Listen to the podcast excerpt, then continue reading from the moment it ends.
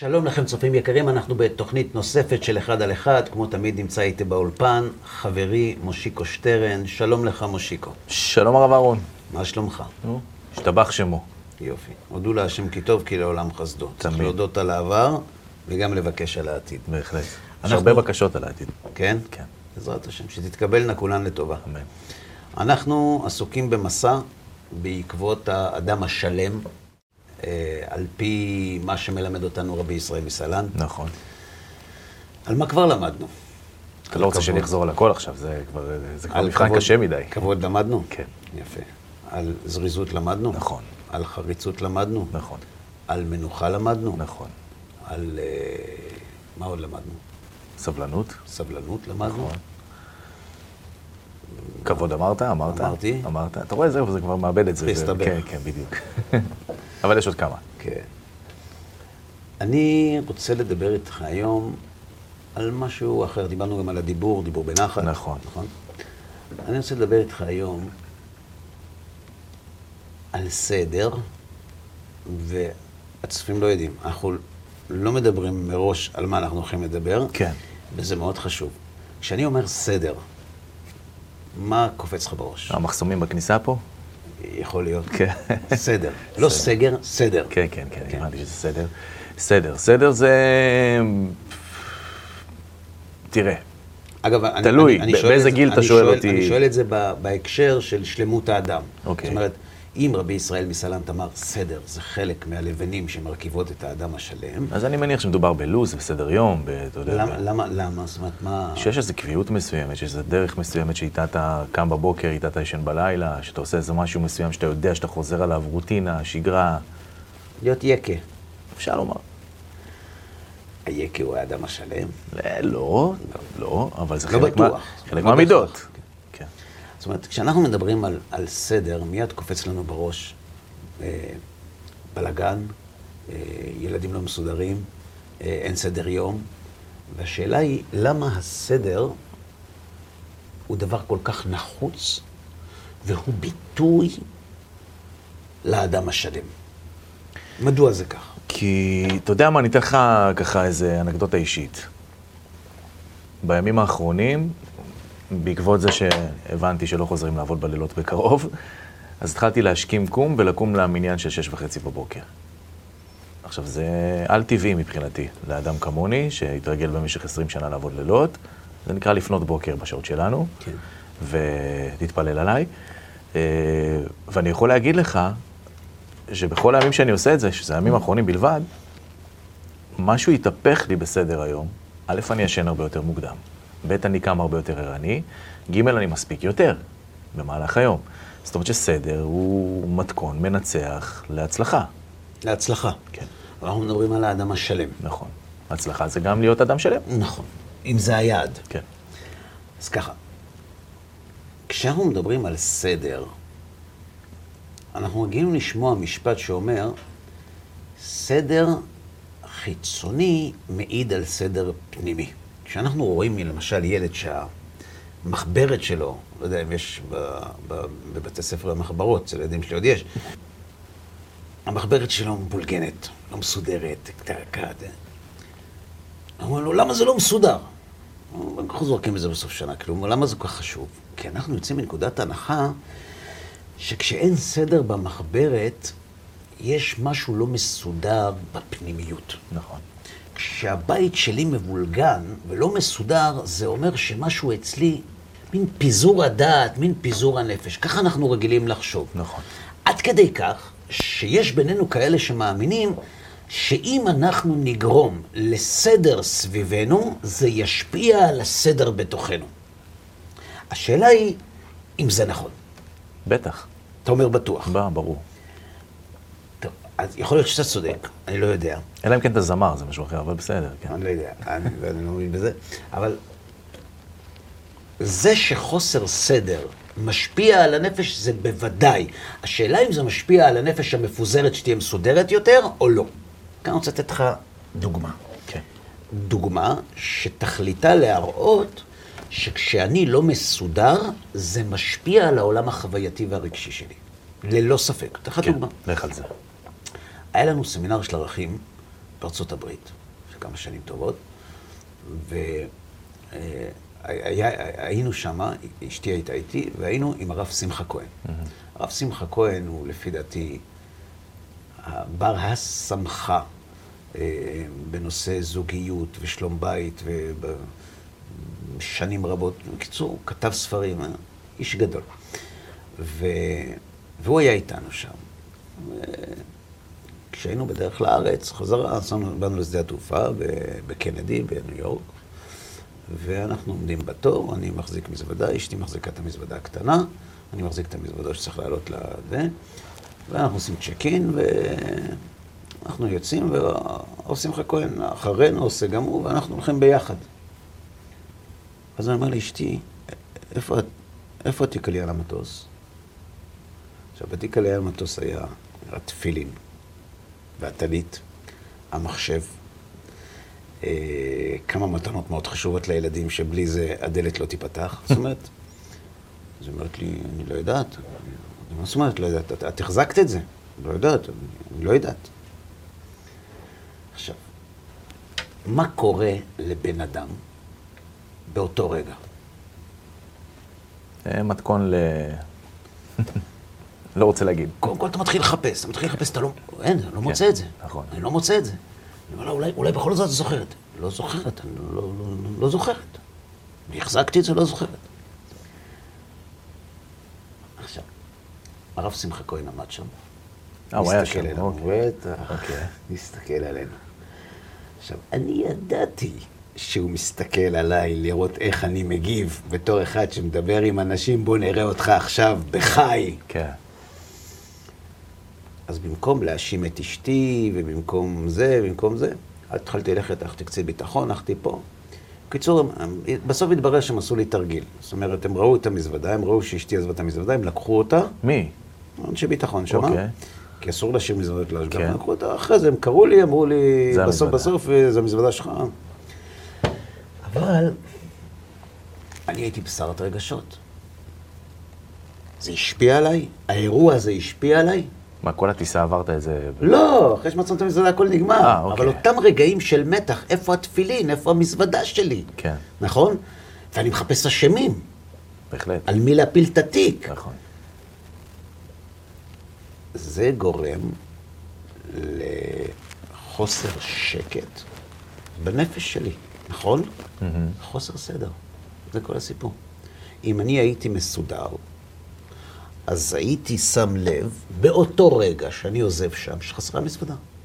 אבל אתה לא מסודר, אתה לא מחזיק ראש, אתה זורם. כשאתה מחפש משהו אבל בבית, מה זאת אומרת? רגע, רגע, רגע, אני חייב לעצור אותך. מה זה מסודר? הרי אמרת לי לפני כן, התחלת בזה, שאתה היית אחראי, אמון, על המזוודה לא, זה, הגדולה. זה לא סוכם בחוזה אה, שלום. אוקיי. זאת אומרת, אני אחזיק גם מזוודה אחת, אני אחזיק גם מזוודה אחת. אבל בתור אחד שהוא אחראי, אני צריך להסתכל סביבי לפני שאני הולך, מה חסר לי, מה יש לי. התפילין שלך שם, זה נכון כל כך חשוב? איך שכחת? מבין. חוסר סדר. אתה מחפש מושיקו משהו בבית. כן. איפה הטלפון? איפה המטען שלי? לא שלי, של הטלפון שלי. אני פעם, אותו דבר. אני פעם טסתי בסוכות לאיזשהו נופש, כמובן חיפשתי מקום עם סוכה ועם הכל וזה, ומאוד הקפדתי שיהיה לי לולב קצר. שייכנס, בה, אתה יודע, במזוודת עלייה למטוס, או לפחות ליד, או משהו כזה וזה, וכמובן מה קרה לי? שכחתי אותו במטוס. עכשיו, אני לא, לא, לא, לא שוכח את זה, כי זה הסוכות שבו כל השבוע, כשאתה בנופש, שכולם, אתה יודע, עם הטיימר על מתי נגמרת התפילה, כי רצים עכשיו למסלול הבא וזה, אתה צריך לדאוג לזה שההוא ישאיר לך רגע את הנענע, ולא אשכח את הסוכות הזה כל החיים שלי. אז אם אתה מדבר על סדר, אז זה אחד הדברים. ה- יפה. כן. עכשיו, אם אתה מחפש משהו בבית, מחפש בבית משהו. את המתן של הטלפון אמרתי, זה יכול להיות מפתחות של האוטו, זה לא כל דבר אחר. ואתה לא מוצא. מה קורה? תאר לי בבקשה. מה, מה, מה ליל הסדר? זאת אומרת, מה, מה קורה? איפה המפתחות שלי? מישהו ראה? אה, לא.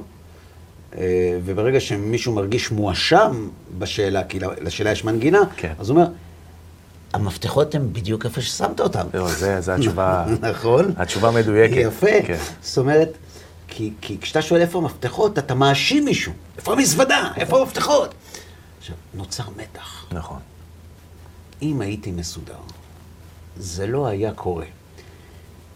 ללמדנו נרצה או לא נרצה, אני לא מדבר על תת-ההכרה ועל אחרי הפעולות נמשכים הלבבות. חוסר התנהלות מסודרת, מחסור בהתנהלות מסודרת, מכביד ומייצר עומס רגשי על האדם, שגורם לו להתנהל בצורה שלא בטוח שהוא היה רוצה להתנהל על פיה. נכון. היא מוציאה ממנו את המיטב. האמת היא שגם יש את ההפכים, אתה יודע, הנודניקים, אלה ש... עם הפנקס.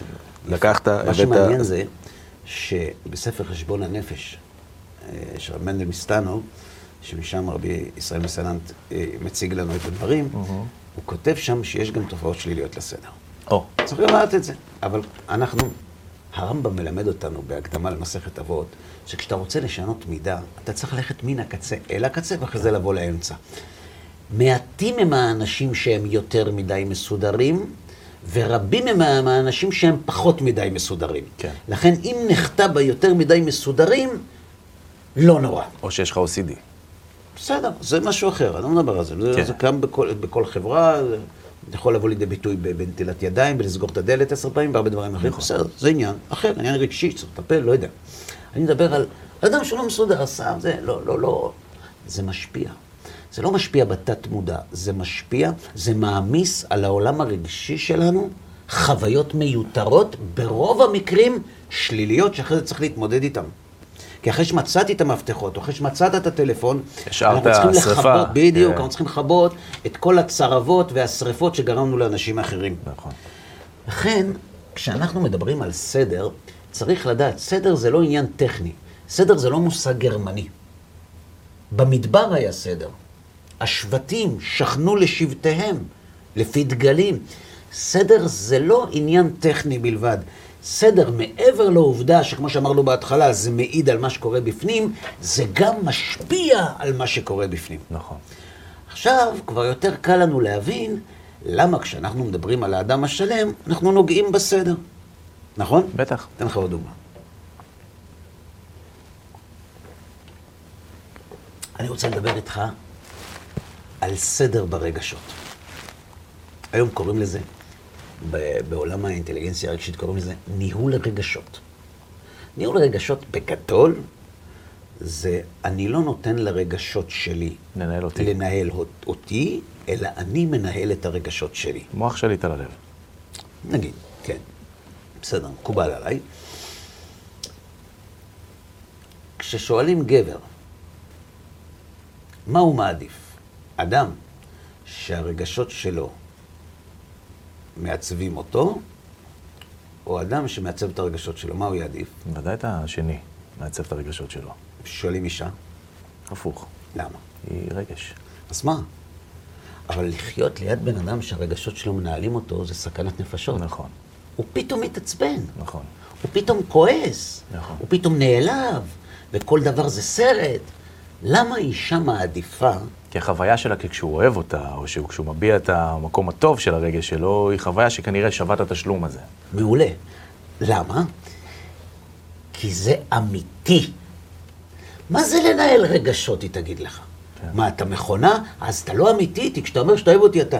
אתה הסתכלת בספר, היית צריך להגיד אני אוהב אותך, אז אני אוהב אותך. כי זה לא אמיתי. כי הסתכלת בספר, והמומחה כותב, אתה צריך להגיד, אני אוהב אותך, אני אוהב אותך. איפה רואים את זה? יש לי הרצאה שאני מדבר בה על, על, על משמעות הנישואין ביהדות.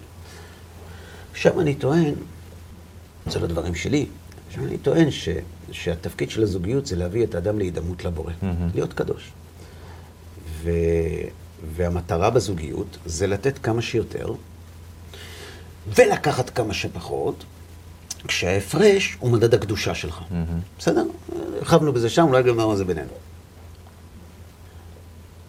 כשאני מדבר על זה בהרצאות, בדרך כלל נשים מתקוממות. הן אומרות, אז זה לא אמיתי כל הסיפור הזה, אז, אז רגע, אז, אתה, אז כל הנישואים זה חשבון, זאת אומרת, אני בודק לדעתי פחות או יותר, אני, רוצה, אני אלך להחמיא לה עכשיו. זה לא אמיתי. אני לא רוצה לחיות עם בן אדם שהוא לא אמיתי, שהוא מסתכל מה נכון ומה לא נכון. נכון? יש בזה. בטח. יפה.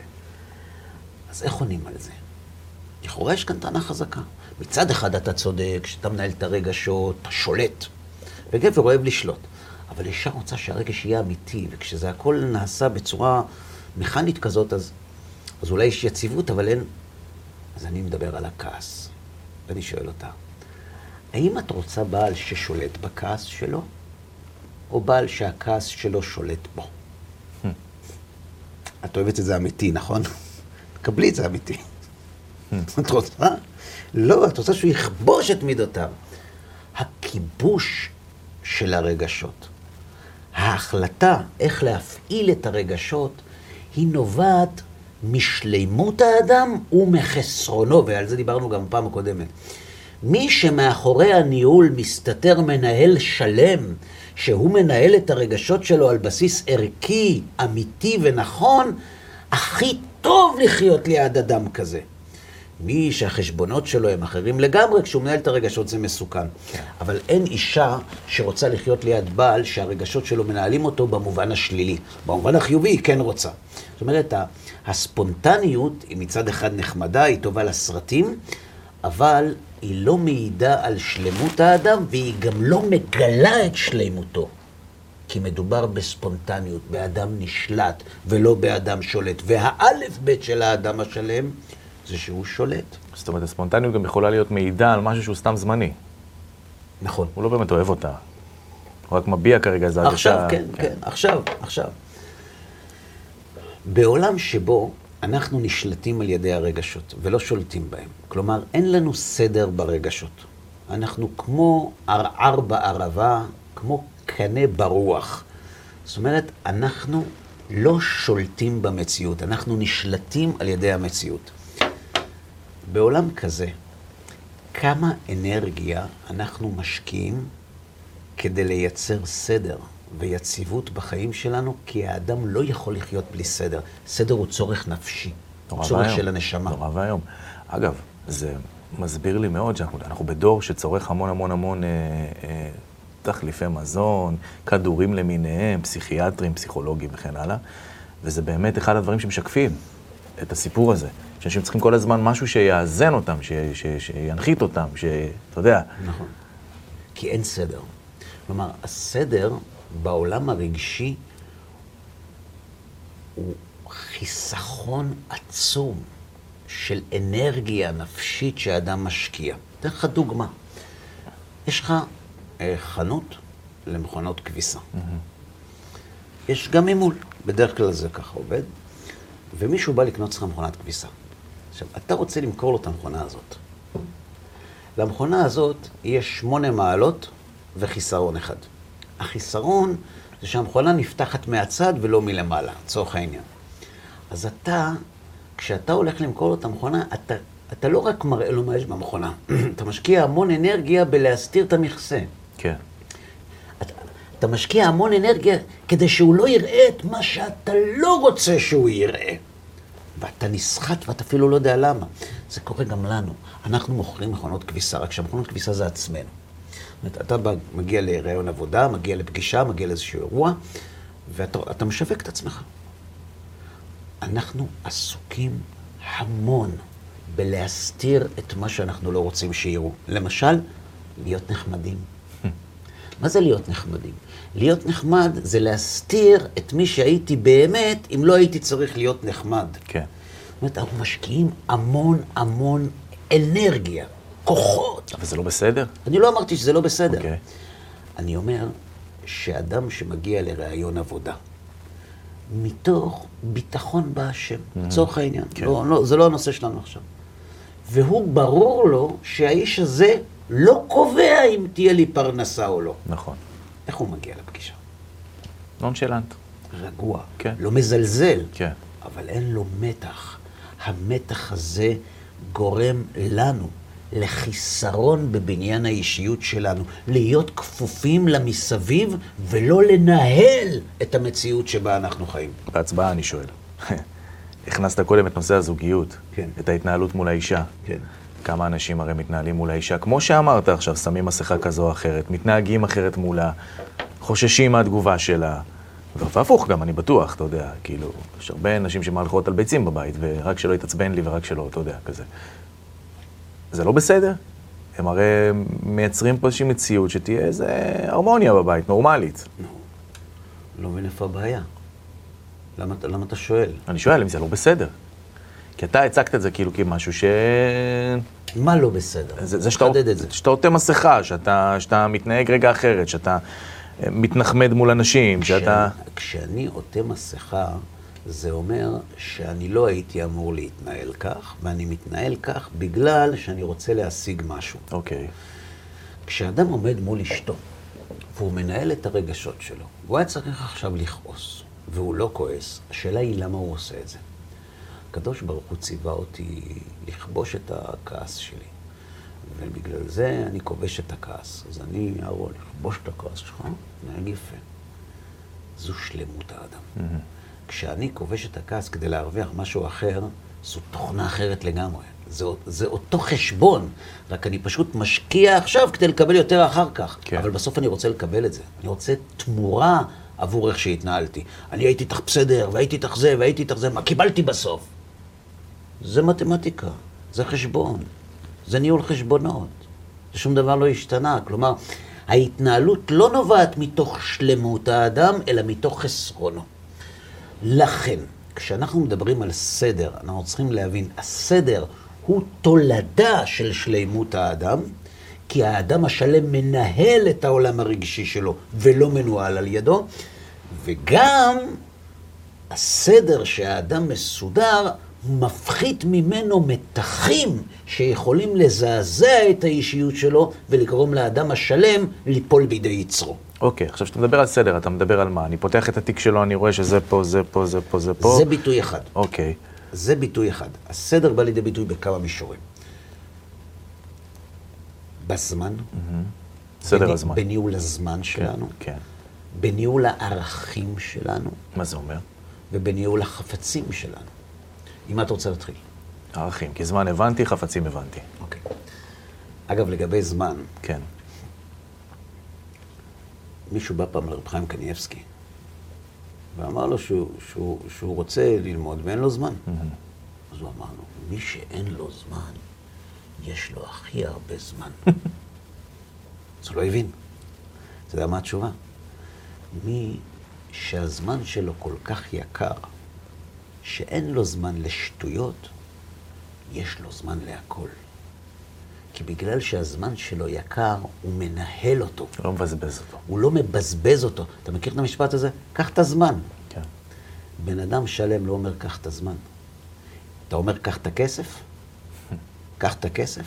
מה זה כסף? כסף זה אמצעי להשביח את הזמן. אז אתה את הכסף שלך לא נותן ואת הזמן שלך אתה נותן? אתה יודע מה זה זמן? זמן זה חתיכה מהחיים שלך. איך אתה אומר לו קח את הזמן? אני פה לא ממהר, קח את הזמן. מי לא ממהר? מי שאין לו לאן להגיע, מישהו בשדה תעופה. יש לו טיסה עוד שלוש שעות, לאן יש לו למהר? אדם שלם זה אדם שיש לו יעד, שיש לו מטרה. מי שיש לו מטרה לא אומר, קח את הזמן. אדם פותח עסק, יש לו מטרה, רוצה להרוויח כסף. קח את הזמן, הוא מנצל כל רגע. כלומר, ניהול הזמן הוא שוב ביטוי בחיים היומיומיים לשלימותו של האדם שמנהל את הזמן שלו. לכן אם תסתכל על גדולי ישראל, כל רגע שלהם מנוצל. נכון. כל רגע שלהם מנוצל. אני זוכר הרב עובדיה יוסף, זכר צדיק קדוש לברכה, הזמין אותנו פעם, הראש כהן שלנו שבע ברכות. עכשיו פקודתו, לא? זה... כן, כן. הזמין אותנו שבע ברכות, והוא אמר, הרב יגיע, ובדיוק שתיים וחצי, הרב מדייק, שתיים וחצי מתחילים. הגיע שתיים וחצי, אני לא רואה את הרב, שתיים וחצי נפתחת דלת חדר עבודה, נפתח הדלת חדר עבודה של הראש כולל שלנו, הרב עובדיה שמה. עכשיו שתבין, הוא הגיע מוקדם, הוא ישב בחדר, והגיע שתיים וחצי, הוא יצא לשבע ברכות. עכשיו, החתן והכלה לא הגיע. אז הוא שואל אותו, איפה היה? איפה, מה זה? אמר, "אה, מלך פורץ גדר, חתן דומה למלך. אמר לו, אני אין לי זמן. אין לי זמן, אם לא מתחילים עכשיו אני הולך. עכשיו, מה עושה בפנים? ישן? אני. ראיתי מה עושה בפנים. שם הספרים פתוחים, דפי עט, הוא למד שם. יש לו סדר. אתה יודע למי יש סדר? למי שהזמן הוא המשאב הכי יקר שלו. אז יש לו סדר. מי הזמן יקר אצלו? מי שהוא איש תכליתי, מי שיש לו מטרה. האדם השלם הוא איש תכליתי. אי אפשר שזה לא יבוא לידי ביטוי בזמן שלו. לכן, אתה חייב לראות ביטוי לשלמות האדם בניהול הזמן. ניהול החפצים, דיברנו על זה, הסבא מקלם ראה פעם מישהו קופץ מעל הגדר, במקום ללכת דרך השער. כן. שלח אותו הביתה מהישיבה. אמר לו, אם יש דרך המלך ואתה הולך בדרך עקומה, משהו עקום בפנים.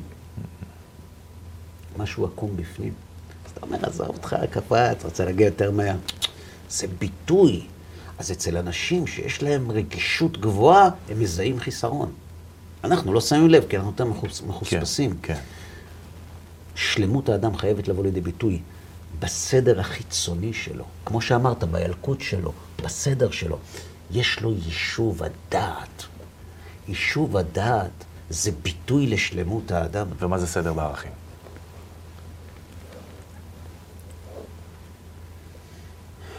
סדר בערכים זה גם אם יש לך אמת מתחילת הסדרה, כל עוד, סליחה, כל עוד לא תהיה לך אמת המידה לקבוע איזה ערך נדחה מפני ערך אחר, אין משמעות מעשית לאמת שלך. מה בטל למה? מה בטל למה, מה קודם למה. בהחלט. לדוגמה, כן. אתה עכשיו לומד תורה. בא מישהו ואומר לך, אני צריך חסד, צריך עזרה. אתה סוגר את הגמרא והולך לעזור לו או לא? אתה שואל אותי? סוגר. סוגר, אבל תלמוד תורה כנגד כולם. סוגר. למה? האיש צריך עזרה. בסדר, אבל אם תלמוד תורה יותר, יותר חשוב, השאלה היא כזאת, יש מי שיעזור לו? עכשיו אתה מתחיל להתחשבן איתי. כן, לא, אתה יודע, אם בא אליי לבד. אבל זו דוגמה, זו דוגמה לשאלה, דוגמה נוספת. יש מצווה בתורה... רגע, לא ענית. מה? מה עושים? בסדר, זה- אנחנו לא דנים כרגע במה כן. עושים, כי, כי זה משתנה, ושלא יגידו, הוא אמר ככה וכתוב ככה. אתן לך דוגמה נוספת. נו. אנחנו יודעים שיש מצווה בתורה, עזוב תעזוב עמו. אתה רואה בן אדם, חמור שלו הולך נכון. ליפול, כואב לו, מגרד לו, רוצה אם הוא אויב שלך. אתה- כן. גם אם הוא אויב שלך, גם אם הוא אויב שלך, אתה צריך לעזור. יש עוד מצווה. הקם תקים עמו. מה זה הקם תקים? שנפל. טוב, אחרי, לא, אחרי הבן אדם נח, והחמור גם נח, ולפי הכללים של משרד אה, החקלאות, הוא נח את השעות שלו, החמור, והוא יכול להמשיך לעבוד. אז אתה עכשיו רוצה להעמיס עליו. עכשיו, אתה לא יכול להעמיס לבד, כי צריך שיווי משקל. אז אם מישהו רואה אותך, שאתה רוצה להקים ואתה לא מסתדר, הוא צריך לעצור ולעזור לך. זה נקרא הקם תקים עמו. שעזוב תעזוב עמו, ויש הקם תקים עמו. עכשיו, אם אני שואל להיגיון של מושיקו, אתה רואה פה חמור שעומד להתמוטט, עזוב תעזוב, אתה רואה פה חמור שוכב על החוף כשאין סגר ו... ומבסוט, רק צריך להעמיס עליו כי צריך להתחיל לעבוד. כן. למי צריך לעזור קודם? לזה שעומד להתמוטט. למה? שעומד להתמוטט. אז מה, שיתמוטט, מה קרה? מה, זה ככה, כאילו... אני שואל, לא יודע. לא יודע, אני מחבר פה גם צער בעלי חיים, אני או, לא... אז אתה אומר, תשמע, מה יקרה אם החמור ימשיך לשכב עוד חמש דקות? כלום. נכון. פה זה צער בעלי חיים. צער בעלי חיים, באמת, ההלכה אומרת, צריך קודם כל לעזור לזה, ורק לעזור לזה. האם אתה מעלה בדעתך תרחיש שאנחנו רואים את אותה מציאות? אחד צריך לה, לעזור לו לפרוק, אחד צריך לעזור, ואז אתה אומר, הגמרא באה ואומרת לך, לא, קודם תעזור לו, שימות החמור, לא אכפת לי. לא רואה. לא רואה. אומרת הגמרא, מה הדין באוהב לפרוק ושונא לטעון? כלומר, זה שצריך לעזור לו לפרוק את החמור, זה חבר שלך. אה, וזה שצריך לעזור לו להטעין את החמור, זה השונא שלך. לך לשונא. לך לשונא. שואלת הגמרא, ומה עם צער בעלי חיים? עונה הגמרא, לחוף יצרו עדיף. נכון, צער בעלי חיים, אבל כיבוש היצר של האדם חשוב יותר מחיים של חמור. דוגמה לסדר בין ערכים מתנגשים. כן.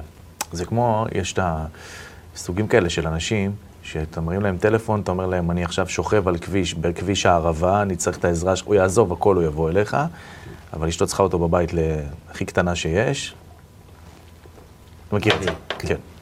זאת אומרת, סדרי עדיפויות בתוך העולם הערכי שלך. אדם שלם הוא שלם בגלל שהוא משתית את חייו על העולם הערכי של האמת. ולכן, אצלו סדר עמידת הערכים חייב להיות ברור. דוגמה נוספת. בש, בשני מקומות בתורה, אגב, זה לא אמור לעבוד אינטואיטיבית? זאת אומרת, מה, איך אני אמור אין עכשיו אינטואיטיבית. לעשות, לעשות חשבון עכשיו עם החמור, פה רגע החמור זה, זה, זה, אתה יודע, אה, שנייה אני אפעיל את אה, הקומפיוטר. בסדר, אז בשביל זה אדם צריך ללמוד תורה. כן, אתה רוצה להיות אדם שלם. תורה מביאה לידי זהירות, אומר רמח"ל.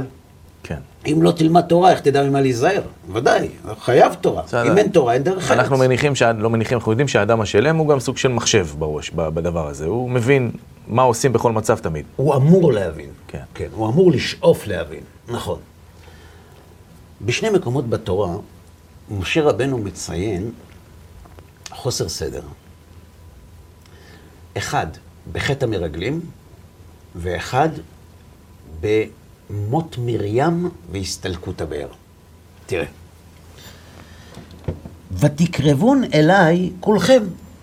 משה מספר להם, ותאמרו, נשלחה מרגלים, ויתורו לנו את ארץ כנען, נכון? עכשיו, משה רבנו, הוא הסכים איתם. הוא אומר, כתוב בפסוק, שלח לך אנשים, אומרים חז"ל, שלח לך להנאתך, אתה רוצה, תשלח אתה, אני לא אמרתי לך לשלוח, שלח אתה. זאת אומרת, משה רבנו הבין שצריך לשלוח מרגלים, הם צודקים. משה רבנו לא ידע את המניע שלהם, אבל הדרישה לשלוח מרגלים הייתה מקובלת עליו, לכאורה. עכשיו, כשמשה נותן להם מוסר, מה הוא אומר להם? ותקרבון אליי כולכם. כלומר, בהתקרבות שלכם, בצורה שבה פניתם אליי לדרוש מרגלים, הייתי צריך לזהות את התקלה. אומר רש"י, ותקרבון אליי כולכם בערבוביה. אה, ולהלן הוא אומר, ותקרבון אליי כל ראשי שבטכם וזקניכם. אותה קרבה, קרבה הייתה הוגנת. זאת אומרת, אם, אם ותקרבון זה, זה, זה לא בסדר, אז למה במקום אחר ותקרבון זה כן בסדר? ותקרבון אליי כל ראשי שבטכם וזקניכם? אז הוא אומר, תלוי. אותה קריבה השנייה הייתה הוגנת. ילדים מכבדים את הזקנים, ושלחום לפניהם, והזקנים מכבדים את הראשים ללכת לפניהם. אבל כאן, ותקרבון אליי כולכם בערבוביה, ילדים דוחפים את הזקנים וזקנים דוחפים את הראשים. כשיש דרישה לגיטימית, אבל היא באה מתוך חוסר סדר ערכי, זה לא פחות חשוב מהדרישה עצמה. זה מעיד לפעמים על המקור הלא הגון של הדרישה עצמה. זאת אומרת, משה יכל לזהות את זה דרך הערבוביה הזאת? נכון. דוגמה נוספת, מופיעה גם כן במדרש על, על, אה, על מות מרים. ותמות שם מרים, כך כתוב בפסיקתא כמדומני, ולא היה מים לעם לשתות. נגמר המים. כן. ויקהלו על משה ועל אהרון. זה, עד כאן זה בסדר, נכון? אין מים, רוצים? לשתות. כן, נכון. דבר אחר אומר המדרש, למה נסתלק הבאר במיתת מרים? נכון, בזכות מרים הייתה הבאר, אבל למה זה הסתלק? בסדר, מרים מתה. שיעריכו אותה? כן, שתישאר, עם ישראל צריך מים. כדי שידעו הכל, כמה הייתה צדקת, והצטערו עליה רבים ויגמלו איתה חסד. כדי שיבינו מה היה להם בגללה. בסדר? כיוון שבית המריה ומשה ואהרון עסוקים בה, ואף אחד לא בא. כן. וישראל מבקשים מים, רוצים מים. ואין מוצאים, מיד נתכנסו עליהם.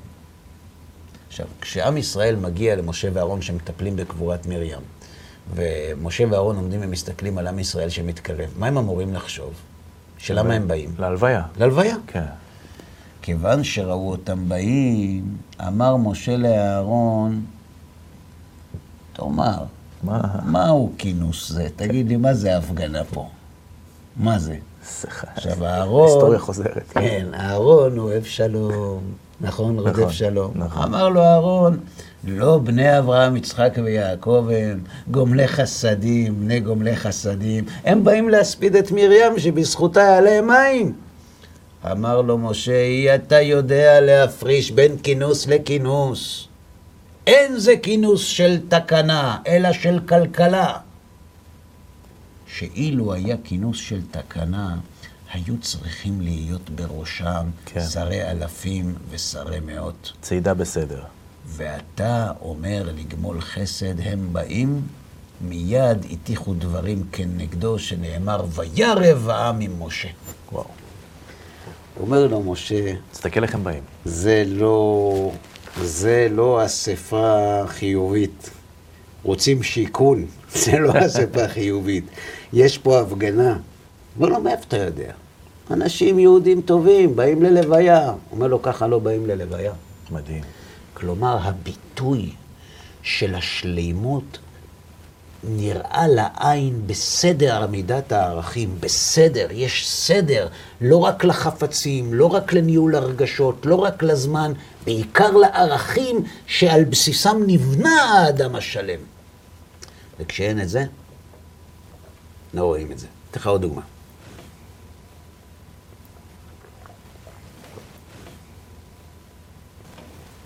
לפי ההלכה, כן. בן אדם שהוא... אישה שבאה ואומרת שהיא עשתה מעשה לא בסדר, אנחנו לא חייבים להאמין לה. כי אין אדם משים עצמו רשע. אני לא חייב להאמין לך. אתה לא יכול להגיד עליך שאתה רשע, בסדר? עכשיו, הרב חיים גרינמן, עליו השלום, הוא היה גאון עצום בתורה, חוכמת חיים עצומה, הבין המון ברפואה, מה שהיה מר פירר עושה. הוא הקים את הערכים. הוא האבא של הערכים, הוא הקים את הערכים. והוא היה תלמיד של החזון איש, בן משפחה שלו. ויום אחד, שני מרצים בערכים, אחד יש לו מדרשה לבנות, ואחד אה, מכיר אה, בחורי ישיבה, בא פנה אליו, יש לי בחור, יש לך בחורה, בוא נעשה להם שידור, נפגיש ביניהם. והתעוררו כמה שאלות בקשר לשידוך הזה, אם ללכת על זה או לא. אז הם החליטו ללכת ביחד, שניהם, לרב חיים גרנמן. הם נכנסו אליו, הם הציגו בפניו את כל השאלות. אה, אה. בסוף אמר כן, שימשיכו הלאה, שימשיכו להיפגש. ואז אחרי שהם יצאו, אז אה, אחד אמר לחברו, אה, את השאלה הכי חשובה שכחנו לשאול. יש, יש סיפור עם הבחור שיכול להיות שיש בעיה להתחתן איתו. לא ניכנס כרגע לפרטים, אבל אה, לפי מה שהאימא שלו סיפרה, וזה יכול להיות שיש בעיה להתחתן איתו. איך שכחנו? חזרו עוד פעם. שמע את זה, אמר להם, זה לא משנה, תמשיכו הלאה. מה זה לא משנה? הילד הזה אסור להתחתן איתו. ואימא שאימא שלו אומרת, אסור להתחתן איתו. בסדר, הלכו, אמר, הלכו. אחרי תקופה, הוא חזר אליו, אמר לו, כבוד הרב, איך עשית את זה? מה, זה, זה, זה, זה, זה, זה מידע שובר שוויון. אמר לו, זה לא מידע, זה כלום. אמר לו, למה? הוא אומר, לפי ההלכה, לא מקשיבים לה. לא מקשיבים לה. אם לא מקשיבים לה, זה לא קרה. זה לא קיים במציאות. זו הסתכלות של איש שלם, שמעצב את המציאות לפי הערכים ולא ההפך. לכן אומר רבי ישראל מסלנט שהסדר הוא כל כך חשוב, או כמו שכתוב כאן, סדר, נקרא, שיעשה האדם את כל מעשיו בסדר, בסדר ובמשטר. זאת אומרת, אתה צריך שהיום שלך יהיה מסודר. שאתה איש עסקים, יש לך יומן פגישות? בטח. למה? תהיה ספונטני. למה? כי יש לך יעד, כן. אתה רוצה להגיע אליו. כן. מי שמתייחס לחיים כמו שאנחנו מתייחסים לכסף, הוא אדם שלם. הוא מנצל כל רגע בחיים. יש לו זמן שהוא משאב יקר מאוד. הערכים צריכים להיות מאוד ברורים ומסודרים אצלו. שלא ימצא את עצמו מעדיף ערך אחד על פני חברו ונכשל בשלימותו האישית. נכון. בגדיו מסודרים, סביבתו מסודרת, משא ומתנו מסודר, דיבורו מסודר. הסדר הוא כמו הריח של השלמות, הוא הבושם של השלמות. רבי ישראל מסלנט מגלה לנו שזה יכול להיות גם הפוך. שאם אנחנו נכריח את עצמנו לנהל סדר יום מסודר, ולנהל בית מסודר, ולנהל את הרגשות שלנו, זה יוביל אותנו כמה רמות לעברו של האדם השלם. אמרתי לך את זה כמה פעמים בתוכניות האלה. אני זכיתי לראות, לא להגיד שלמדתי מהם, אבל אני זכיתי לראות אנשים מסודרים.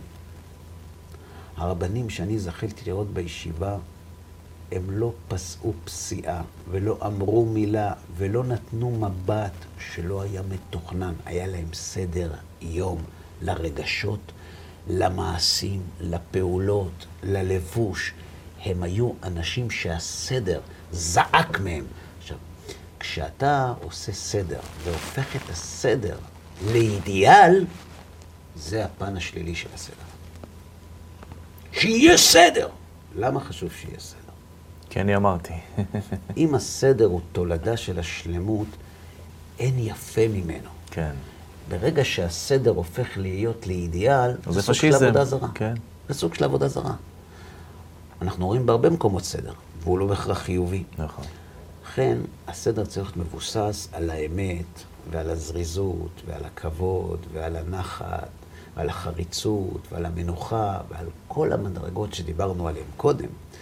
ואז הסדר הוא כמו ריח טוב לפרח יפה. בסוף כל המידות שאתה מדבר עליהן, בסוף, בסוף, בסוף, כולן יכולות להיות גם לפה, גם לפה, כמו סם החיים, סם המוות. כולן יכולות להיות בסוף בסיס אתה צודק. לאדם שלם, או את- בסיס את- אתה צודק, אתה צודק. לסתם מכונה.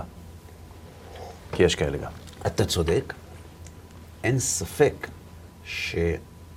שהסדר יכול להיות בעוכרינו, ויכול להיות משוש חיינו, כמו כל מידה ומידה. היא גם חיובית וגם שלילית, או יותר נכון, היא לא חיובית ולא שלילית. היא מידה, היא נטייה. נכון. השימוש הראוי בכל נטייה הופך אותה ממידה רעה למידה טובה. בדיוק. ודבר אחרון בקשר לסדר. אתה יודע איך קוראים ללילה הראשון שבו נהיינו עם? זה לסדר. נכון. למה? פה נהיה סדר. אז האמת, קוראים לזה ליל הסדר כי יש סדר. כי יש קדש, אורחץ, כן. כרפס, יחס, נכון. אבל יש עוד עניין. עם ישראל עומד לצאת למסע. מהמם. ובמסע הזה, מי שלא בא אליו מוכן, זה המסע הכי מבולגן שיכול להיות. נכון. וייסעו ויחנו, וייסעו ויחנו, ואחרי שהם באים לארץ, עפים מהארץ, ואחרי שעפים מהארץ, חוזרים לארץ, אחרי זה עוד פעם לארץ. נכון, כל נכון, הזמן. נכון, נכון. הכי לא מסודר שיש. נכון. אומר מהר"ל מפראג, גם לבלגן יש סדר. הוא קורא לזה, גם לניסים יש סדר. יש סדר לניסים, יש ויכוח גדול. הוא מביא את זה בהקדמה לגבורות השם, בהקדמה שנייה שמה. אה, אה, אלה שטענו ש, שהעולם הוא קדמון, הכחישו את הניסים. כי לא ייתכן שיהיו ניסים בעולם שהטבע בו נצחי. כי אם הטבע הוא נצחי, הוא לא יכול להשתנות, ולא יכול להשתנות, לא יכולים להיות ניסים. אז היו, היו אה, גדולים בימי הביניים, שניסו להסביר את הניסים בדרך הטבעית כדי לא להתנגש עם הקונפליקט הזה. והרמב"ם בעצמו כותב במורה נבוכים בחלק ב', כנראה פרק כ"ב בסוף, ש, שאי אפשר להחזיק בדעת אריסטו בנושא קדמות העולם בגלל שזה מכחיש את הניסים. הוא אומר, כותב שם עוד כמה דברים, לא משנה. מגיע מהר"ל ואומר, מה פתאום? הניסים לא מכחישים את קדמות העולם. גם לניסים יש סדר. ואם גם לניסים יש סדר, אז זה לא סותר את הסדר של הטבע. יש סדר לניסים. למה יש סדר? כי מי שלא ידע וישכיל בתוך כל חוסר הסדר לראות את ההנהגה ואת הסדר, לא יוכל לומר לשנה הבאה בירושלים, וגם אם הוא יגידו לו, הוא כנראה לא יראה זה. לכן הלילה הראשון הוא ליל הסדר כדי ללמד אותנו שהסדר הוא הניצוץ של ההנהגה האלוהית בתוך הטבע, גם אם צריך להתאמץ כדי לראות אותו. כן.